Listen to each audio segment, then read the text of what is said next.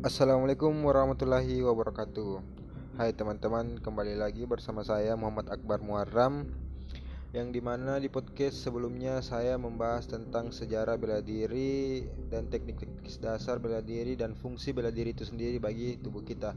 Nah sekarang teman-teman saya akan membahas mengenai pencak silat Pengertian pencak silat dan sejarah pencak silat Saya harap teman-teman enjoy mendengarkan podcast saya kali ini. Tahukah teman-teman apakah pencak silat itu? Pencak silat adalah suatu seni bela diri tradisional yang berasal dari Indonesia.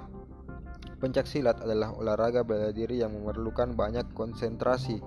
Menurut bahasa, pencak silat permainan tari yang berdasarkan pada kesigapan dan banyak gaya serta bunga pada langkahnya.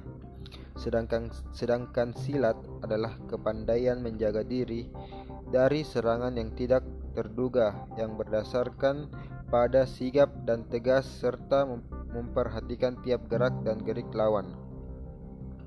Sedangkan pengertian pencaksilat menurut IPS IPSI adalah hasil budidaya manusia Indonesia untuk membela diri dan mempertahankan eksistensi, kemandirian dan integritas kemanunggalan terhadap lingkungan alam dan sekitarnya untuk mencapai keselarasan dalam hidup, meningkatkan iman dan takwa kepada Tuhan Yang Maha Esa. Itulah sedikit tadi pengertian tentang pencak silat, teman-teman. Sekarang saya beralih ke sejarah singkat pencak silat. Asal asal mula ilmu bela diri dari Nusantara ini kemungkinan juga berkembang dari keterampilan suku-suku asli dalam berburu dan berperang dengan menggunakan parang, perisai, dan tongbak, misalnya seperti dalam tradisi suku Nias, yang hingga abad ke-20 relatif tidak tersentuh pengaruh luar. Sirat, silat diperkirakan menyebar di kepulauan Nusantara semenjak abad ke-7 Masehi, akan tetapi asal mulanya belum dapat ditentukan secara pasti. Kerajaan-kerajaan besar seperti Sriwijaya, Majapahit disebutkan memiliki pendekar-pendekar besar yang menguasai ilmu silat itu sendiri dan dapat menghimpun prajurit-prajurit yang kemahirannya dalam pembelaan diri dapat diandalkan. Pencak silat juga teman-teman telah dikenal oleh sebagian besar masyarakat rumpun Melayu dalam berbagai nama di Semenanjung Malaysia dan Singapura. Silat lebih dikenal dengan nama alirannya yaitu goyang dan cekak. Di Thailand, pencak silat dikenal dengan nama bersilat dan di Filipina Selatan dikenal dengan nama pesilat. Sejarah silat dikisahkan melalui legenda yang beragam dari satu daerah ke daerah lain. Legenda Minangkabau, silat bahasa Minangkabau atau silek, diciptakan oleh Datuk Suri Diraja dari Pariangan, tanah datar di kaki Gunung Merapi pada abad ke-11. Kemudian silek di bawah dan dikembangkan oleh para perantau Minang ke seluruh Asia Tenggara. Demikian pula cerita rakyat mengenal asal mula silat aliran Cimande yang mengisahkan seorang perempuan yang mencontoh gerakan pertarungan antara harimau dan monyet. Silat lalu ber berkembang dari ilmu bela diri dan seni tari rakyat menjadi bagian dari pendidikan bela, bela negara untuk menghadapi penjajah asing. Dalam sejarah perjuangan melawan penjajah Belanda, tercatat para pendekar yang mengangkat senjata seperti penambahan Senopati Sultan Agung, Pangeran Diponegoro, Teku Cik Ditiro, Teku Umar, Imam Bonjol, serta para pendekar wanita seperti Sabai Nan Alui, Catnyak Cutnyadin, dan Cutnyak Mitiau. Pada tanggal 18 Mei 1948 terbentuklah Ikatan Pencaksilat Indonesia atau disingkat IPSI. Kini IP, IPSI tercatat sebagai organisasi silat nasional tertua di dunia. Pada tanggal 11 Maret 1980, Persatuan Pencaksilat Antarbangsa didirikan atas prakarya Edi M. Nala Paraya Indonesia yang saat itu menjabat menjadi ketua IPSI. Secara acara tersebut juga dihadiri oleh perwakilan dari Malaysia, Singapura, dan Brunei Darussalam. Keempat negara itu termasuk Indonesia ditetapkan sebagai pendiri silat. Beberapa organisasi silat nasional antara lain adalah Ikatan Pencak Silat Indonesia IP, IPSI, Pers Persekutuan Silat Kebangsaan Malaysia PESAKA, Persekutuan Silat Singapura Persis, dan Persekutuan Silat Brunei Darussalam atau disingkat Persib. Telah ter telah tumbuh pula puluhan perguruan silat di Amerika Serikat dan Eropa. Silat kini secara resmi masuk sebagai cabang olahraga dalam pertandingan internasional, internasional khususnya di pertandingan dalam Asia Games. Sejarah singkat pencak silat di Indonesia sendiri sudah ada sejak sangat lama, namun baru kelihatan dengan sangat jelas ketika berdirinya organisasi pencak silat IPSI.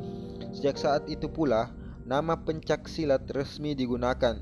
Sebelumnya di daerah Sumatera lebih dikenal dengan istilah silat, sedangkan di tanah Jawa kebanyakan dikenal dengan istilah pencak silat. Pada periode kepemimpinan EDM Nala Peraya, Indonesia memiliki hasrat untuk mengembangkan pencak silat ke mancanegara dengan mengambil prakarya pembentukan dan pendirian Persekutuan Pencak Silat Antarbangsa Pesilat. Pada tanggal 11 Maret 1980, bersama Singapura, Malaysia, dan Brunei Darussalam, keempat negara tersebut akhirnya dinyatakan sebagai negara-negara pendiri Organisasi Pencaksilat Internasional. Upaya pengembangan pencaksilat yang dipelopori Indonesia dan anggota pesilat lainnya sampai saat ini berhasil menambahkan anggota pesilat. Penambahan anggota ini memberi memberikan dampak pada usaha IPS IPSI dan anggota pesilat lainnya untuk memasukkan pencaksilat ke multi-event di tingkat Asia, yaitu Asian Games, dengan membentuk organisasi pencaksilat Asia Pasifik pada bulan Oktober 1999. Organisasi pencaksilat di Indonesia yang disebut dengan Ikatan Pencaksilat Indonesia didirikan pada tanggal 18 Mei 1948 di Surakarta diprakasai oleh, Mr. MR Wongso Negoro yang saat itu menjabat sebagai ketua pusat kebudayaan. Nah, tujuan tujuan pencak silat sendiri secara umum adalah sebagai wadah bagi generasi yang mempunyai hobi olahraga khususnya bela diri untuk menyalurkan bakat dan minatnya. Yang kedua, teman-teman membentuk masyarakat berjiwa sehat, ber, berpikir cerdas dan berprestasi. Ketiga, membentuk dan mendidik kader-kader bangsa agar memiliki sikap kesatria, berani membela diri dalam menegakkan kebenaran atau keadilan. Yang keempat, mendidik generasi muda agar tidak terjerumus ke pergaulan bebas penggunaan obat-obatan terlarang. Dan yang kelima, mendorong dan menggerakkan masyarakat agar lebih memahami dan menghayati langsung hakikat dan manfaat olahraga pencaksilat sebagai kebutuhan hidup. Jadi itu itu saja yang saya bahas kali ini teman-teman dan saya harap teman-teman mendengarkan podcast saya di episode selanjutnya. Terima kasih. Assalamualaikum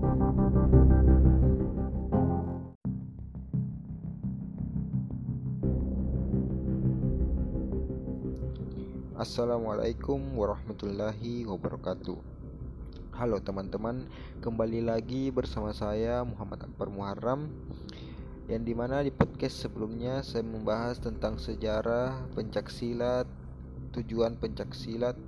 Nah, sekarang teman-teman saya akan membahas sebuah tokoh dari dunia pencaksilat. Tentunya teman-teman sudah tidak asing lagi mendengar tokoh ini, yaitu Iko Uwais. Ya, sekarang saya akan membahas tentang perjalanan karir Iko Uwais dalam aktor laga dan mengharumkan nama pencaksilat di kancah dunia. Saya harap teman-teman enjoy mendengarkan podcast saya. Iko Uwais teman-teman dikenal sebagai aktor jago bela diri. Kemampuannya sudah tidak diragukan lagi, bahkan di level internasional. Ia telah membawa nama Indonesia dan sudah banyak membintangi film internasional seperti The Raid dan Star Wars. Tetapi siapa sangka aktor kebangsaan Indonesia ini dulunya pernah hidup susah. Sebelum menjadi aktor internasional, Iko Uwais ternyata pernah bekerja sebagai sopir. Bukanlah sebuah hal yang mudah bagi seorang sopir menjadi aktor laga internasional. Wow.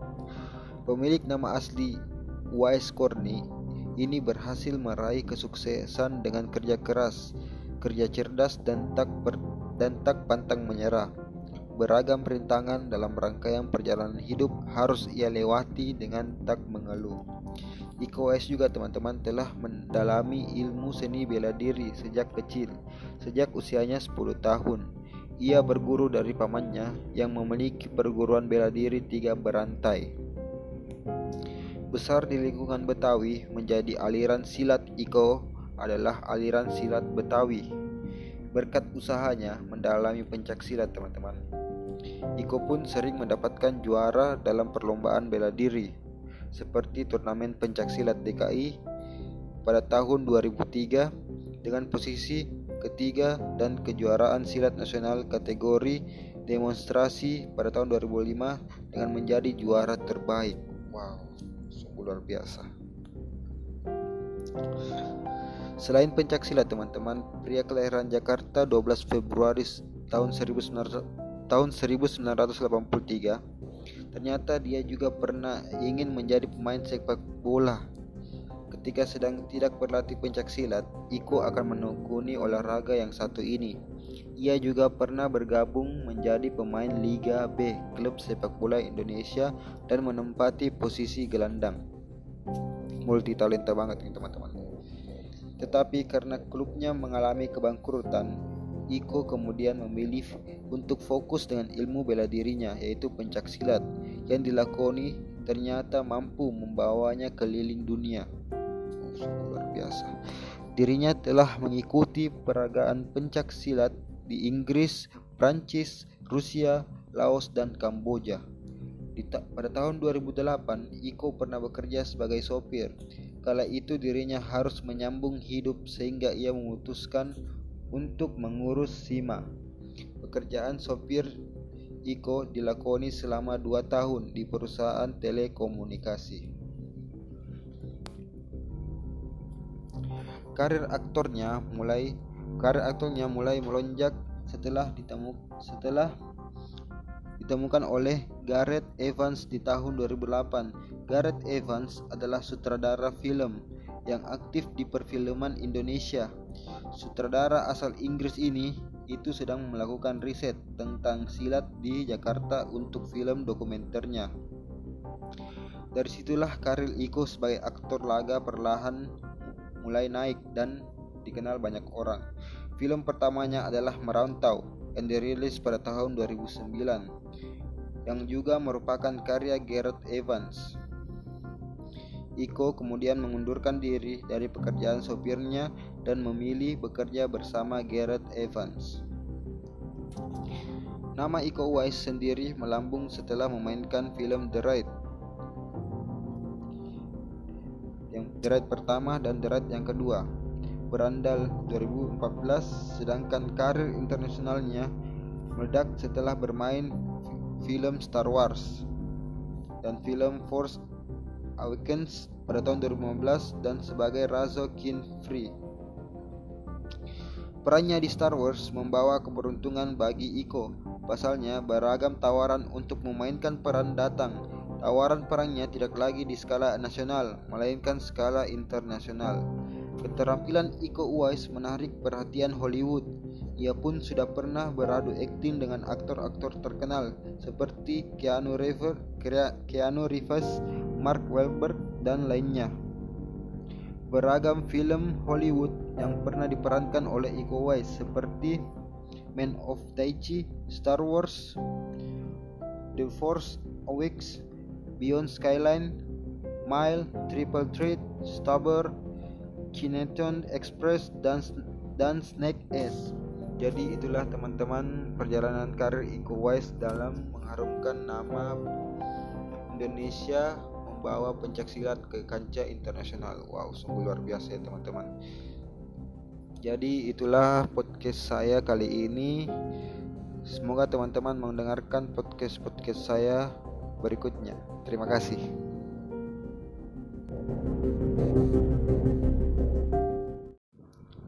Assalamualaikum warahmatullahi wabarakatuh. Halo teman-teman Kembali lagi bersama saya Muhammad Akbar Muharram Yang di mana di podcast sebelumnya Saya membahas tentang sejarah pencaksilat Tujuan pencaksilat. Nah, sekarang teman-teman, saya akan membahas sebuah tokoh dari dunia pencaksilat. Tentunya teman-teman sudah tidak asing lagi mendengar tokoh ini, yaitu Iko Uwais. Ya, sekarang saya akan membahas tentang perjalanan karir Iko Uwais dalam aktor laga dan mengharumkan nama pencaksilat di kancah dunia. Saya harap teman-teman enjoy mendengarkan podcast saya. Iko Uwais teman-teman dikenal sebagai aktor jago bela diri. Kemampuannya sudah tidak diragukan lagi, bahkan di level internasional. Ia telah membawa nama Indonesia dan sudah banyak membintangi film internasional seperti The Raid dan Star Wars. Tetapi siapa sangka aktor kebangsaan Indonesia ini dulunya pernah hidup susah. Sebelum menjadi aktor internasional, Iko Uwais ternyata pernah bekerja sebagai sopir bukanlah sebuah hal yang mudah bagi seorang sopir menjadi aktor laga internasional. Wow. Pemilik nama asli Wise Corny ini berhasil meraih kesuksesan dengan kerja keras, kerja cerdas dan tak per, dan tak pantang menyerah. Beragam perintangan dalam rangkaian perjalanan hidup harus ia lewati dengan tak mengeluh. Iko Wise juga teman-teman telah mendalami ilmu seni bela diri sejak kecil Sejak usianya 10 tahun, ia berguru dari pamannya yang memiliki perguruan bela diri tiga berantai. Besar di lingkungan Betawi menjadi aliran silat Iko adalah aliran silat Betawi. Berkat usahanya mendalami pencak silat teman-teman.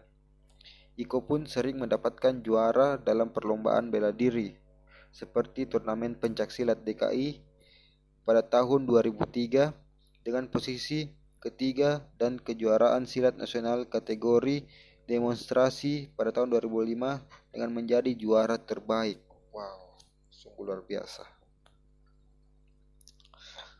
Selain pencak silat teman-teman, pria kelahiran Jakarta 12 Februari tahun 1900, tahun 1983, ternyata dia juga pernah ingin menjadi pemain sepak bola Ketika sedang tidak berlatih pencak silat, Iko akan menekuni olahraga yang satu ini. Ia juga pernah bergabung menjadi pemain Liga B klub sepak bola Indonesia dan menempati posisi gelandang. Multi talenta banget nih teman-teman. Tetapi karena klubnya mengalami kebangkrutan, Iko kemudian memilih untuk fokus dengan ilmu bela dirinya yaitu pencak silat yang dilakoni ternyata mampu membawanya keliling dunia sungguh luar biasa. Dirinya telah mengikuti peragaan pencak silat di Inggris, Prancis, Rusia, Laos, dan Kamboja. Di ta pada tahun 2008, Iko pernah bekerja sebagai sopir. Kala itu dirinya harus menyambung hidup sehingga ia memutuskan untuk mengurus Sima. Pekerjaan sopir Iko dilakoni selama dua tahun di perusahaan telekomunikasi. Karir aktornya mulai karir aktornya mulai melonjak setelah ditemu setelah ditemukan oleh Gareth Evans di tahun 2008. Gareth Evans adalah sutradara film yang aktif di perfilman Indonesia. Sutradara asal Inggris ini itu sedang melakukan riset tentang silat di Jakarta untuk film dokumenternya. Dari situlah karir Iko sebagai aktor laga perlahan mulai naik dan dikenal banyak orang. Film pertamanya adalah Merantau yang dirilis pada tahun 2009 yang juga merupakan karya Gareth Evans. Iko kemudian mengundurkan diri dari pekerjaan sopirnya dan memilih bekerja bersama Gareth Evans. Nama Iko Uwais sendiri melambung setelah memainkan film The Raid yang derat pertama dan derat yang kedua berandal 2014 sedangkan karir internasionalnya meledak setelah bermain film Star Wars dan film Force Awakens pada tahun 2015 dan sebagai Razo Kin Free. Perannya di Star Wars membawa keberuntungan bagi Iko. Pasalnya, beragam tawaran untuk memainkan peran datang Tawaran perangnya tidak lagi di skala nasional, melainkan skala internasional. Keterampilan Iko Uwais menarik perhatian Hollywood. Ia pun sudah pernah beradu akting dengan aktor-aktor terkenal seperti Keanu Reeves, Keanu Reeves, Mark Wahlberg, dan lainnya. Beragam film Hollywood yang pernah diperankan oleh Iko Uwais seperti Man of Tai Chi, Star Wars, The Force Awakens, Beyond Skyline, Mile, Triple Threat, Stabber, Kineton Express, dan dan Snake S. Jadi itulah teman-teman perjalanan karir Iko Uwais dalam mengharumkan nama Indonesia membawa pencak silat ke kancah internasional. Wow, sungguh luar biasa ya teman-teman. Jadi itulah podcast saya kali ini. Semoga teman-teman mendengarkan podcast-podcast saya berikutnya. Terima kasih.